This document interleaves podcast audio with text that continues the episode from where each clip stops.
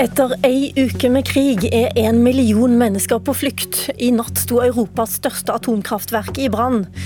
Galskap, sier statsministeren, men eh, ikke få panikk nå, sier beredskapsministeren.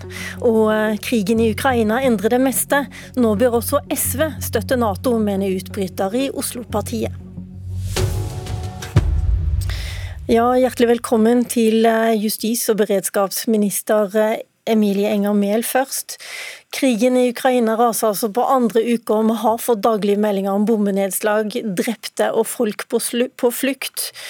I eh, natt sto Europas største atomkraftverk i brann, og dere ble varsla?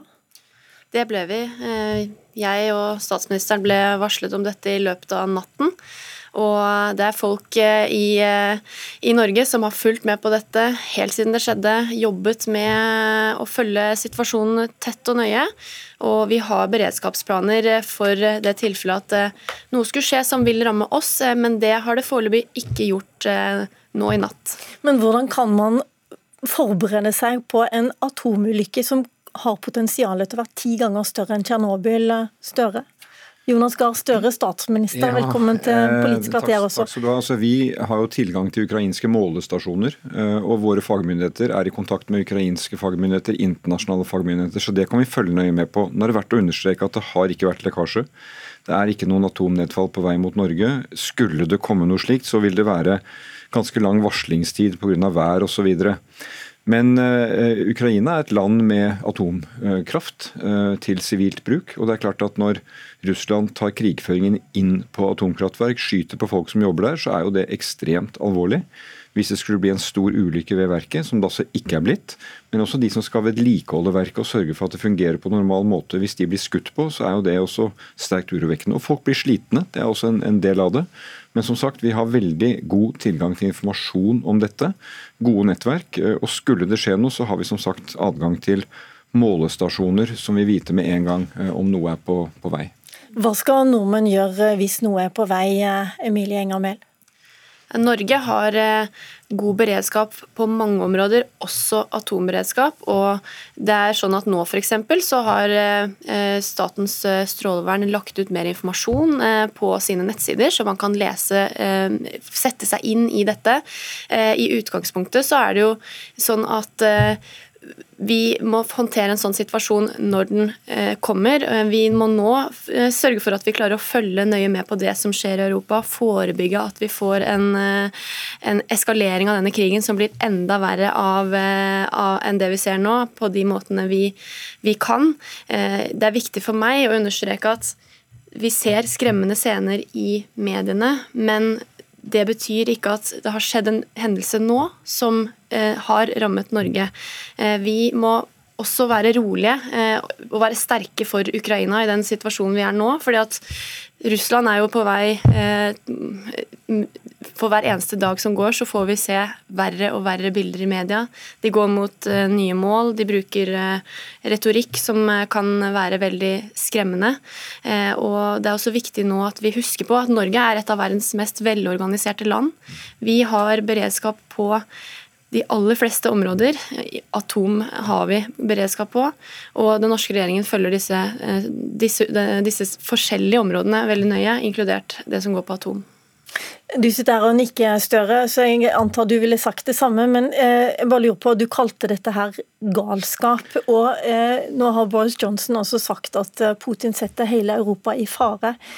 Hva kan gjøres for å stoppe stoppe eh, russerne i dette, og tror du at de har gjort det bevisst?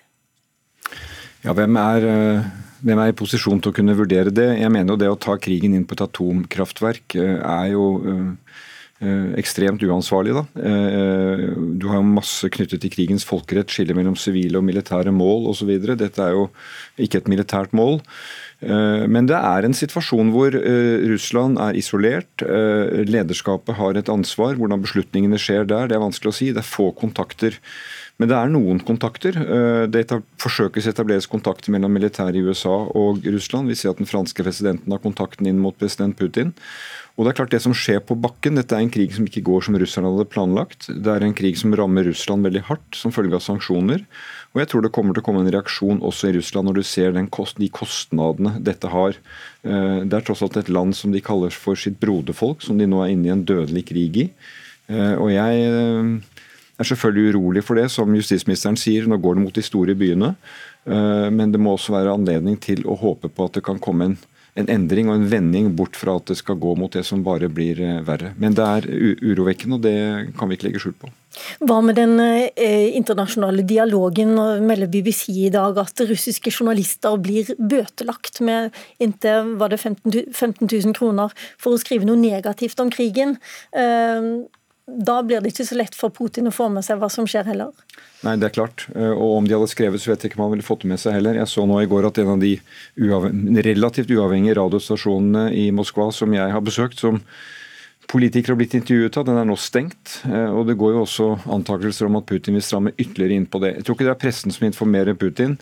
Men eh, det er jo folk i Russland som er opptatt av hvordan det går med Russland. Og det går ikke bra med Russland som følge av det som nå skjer. Og de har jo også et ansvar for å ta dette i sine hender. Denne, dette er jo en krig man ikke kan sperre ute. fordi som vi også hørte i NRK på morgenen, TikTok, Instagram, eh, sosiale medier får med seg det som skjer, og det er det veldig vanskelig å stenge ute. og Det er eh, på en tid som dette bra.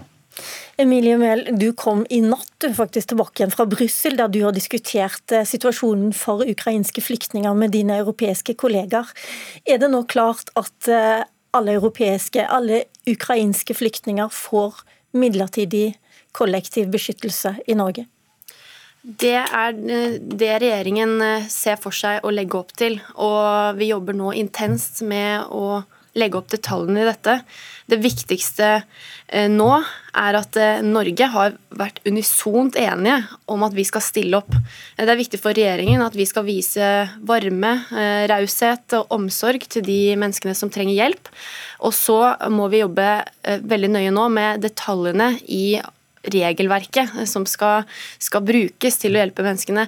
Og Det handler om at hvis vi ikke tar den jobben skikkelig på forhånd, eh, så kan det bli mer kaotisk og vanskelig senere. Eh, så det er viktig at vi har en ansvarlig tilnærming når vi nå skal hjelpe mange, tusen, mange, mange tusen mennesker som er på flukt. Mange, mange tusen. Hvor mange ser du for deg at Norge kan ta imot? Nå er det for tidlig å tallfeste hvor mange vi skal hente til Norge, men vi kan ta imot 1000 på veldig kort varsel, og for hver dag som går, så øker kapasiteten vi har til mottak. Vi har mulighet til å ta imot mange flere enn 1000. Eh, så er det der vi er nå, så er det noen land eh, som grenser til Ukraina som har en veldig stor belastning i sitt område, så det har også vært viktig for regjeringen at vi husker på å stille opp for dem. Eh, at ikke vi bare tenker på hvordan vi skal gjøre det når det kommer hit, men at vi også yter bistand eh, både til Ukraina selv, der mange er drevet på internflukt, og til nabolandene. Ok, Vi får komme tilbake igjen når detaljene er klare. Tusen takk for at dere kom i dag, justisminister Emilie Mehl og statsminister Jonas Gahr Støre. Abonner på Politisk kvarter som podkast, og få sendingen rett til din mobil. Ja, krigen endrer på det meste. Kanskje til og med SVs eh, internasjonale sikkerhetspolitikk. For i morgen samles Oslo SV til årsmøte, og i likhet med SV-ere i andre deler av landet, er det nå flere som tar til orde for å endre synet på Nato. Til tross for at eh, dette var saken partiet faktisk ble stifta for tilbake i 1961. Et av forslagene som skal debatteres er at det beste ville være en forsvarsallianse uten stormakter, det er dagens politikk. Men eh, dette er urealistisk, og derfor er medlemskap i Nato den mest troverdige garantien for norsk sikkerhet. Benjamin Larsen, du står bak dette forslaget, tidligere leder for Oslo SV. Dette er ganske revolusjonært i SV? Tja, det vet jeg ikke. Det som er mest oppsiktsvekkende, er jo det som har skjedd nå. At uh, Russland har uh, angrepet et uh, selvstendig land i en fullskala krig med et uttalt mål om regimeskifte. Det er jo en situasjon vi ikke har sett i Europa, i alle fall siden den kalde krigen var slutt.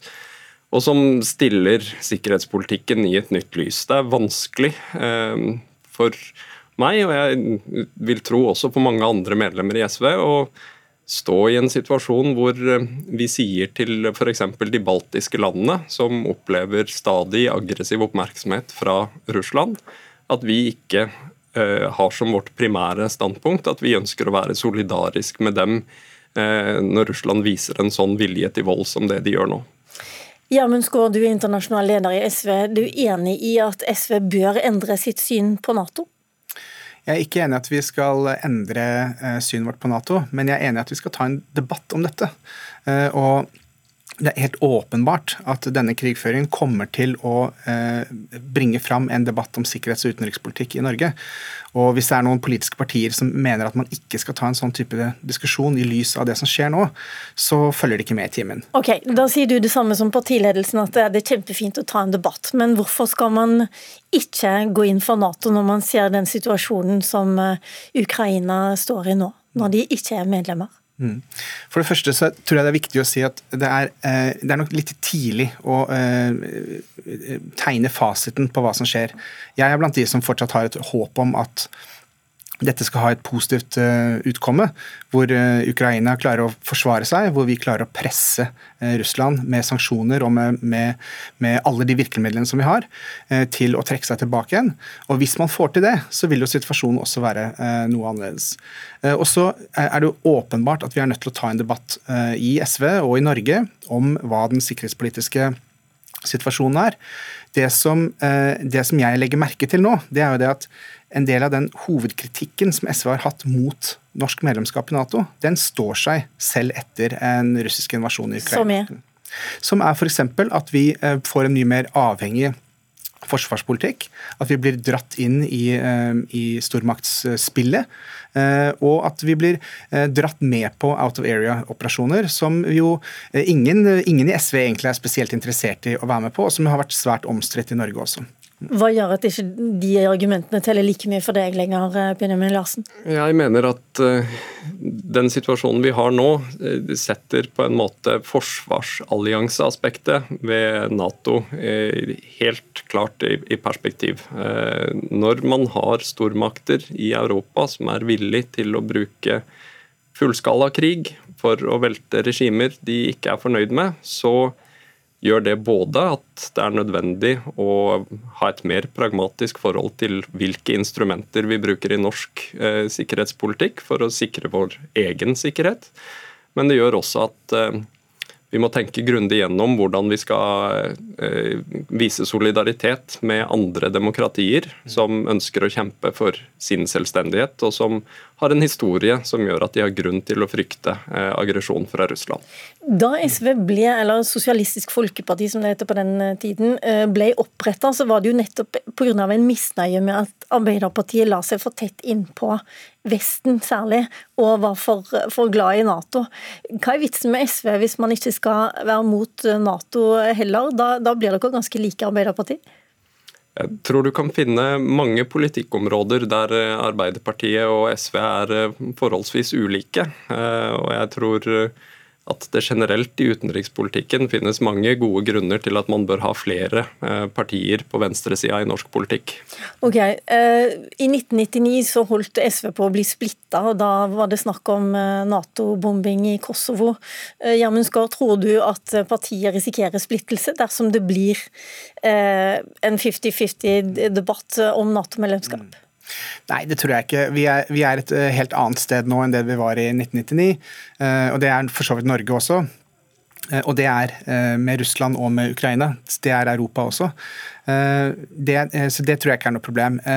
Jeg tror det er veldig sunt for partiet å ta denne debatten. Den skal vi ta fram til landsmøtet neste år, så dette her har vi sånn sett god tid på. Oslo SV skal ta den denne helgen. Hvis det er én ting jeg ville liksom etterlyst nå, så er det at man allerede nå begynner og dette er jo vel så mye en oppfordring til de, de gjestene som var her inne før, før, meg, nemlig statsministeren og justisministeren, det er å begynne å se på eh, det nordiske samarbeidet. Fordi eh, SV sin politikk har jo hele tiden vært se på Norden. Eh, og Nå driver jo Finland og Sverige og sier eh, at de begynner å tenke på Nato-medlemskap. Hvis, NATO, eh, eh, hvis Finland og Sverige blir en del av Nato, så forsvinner det beste alternativet til Nato for SV sin del.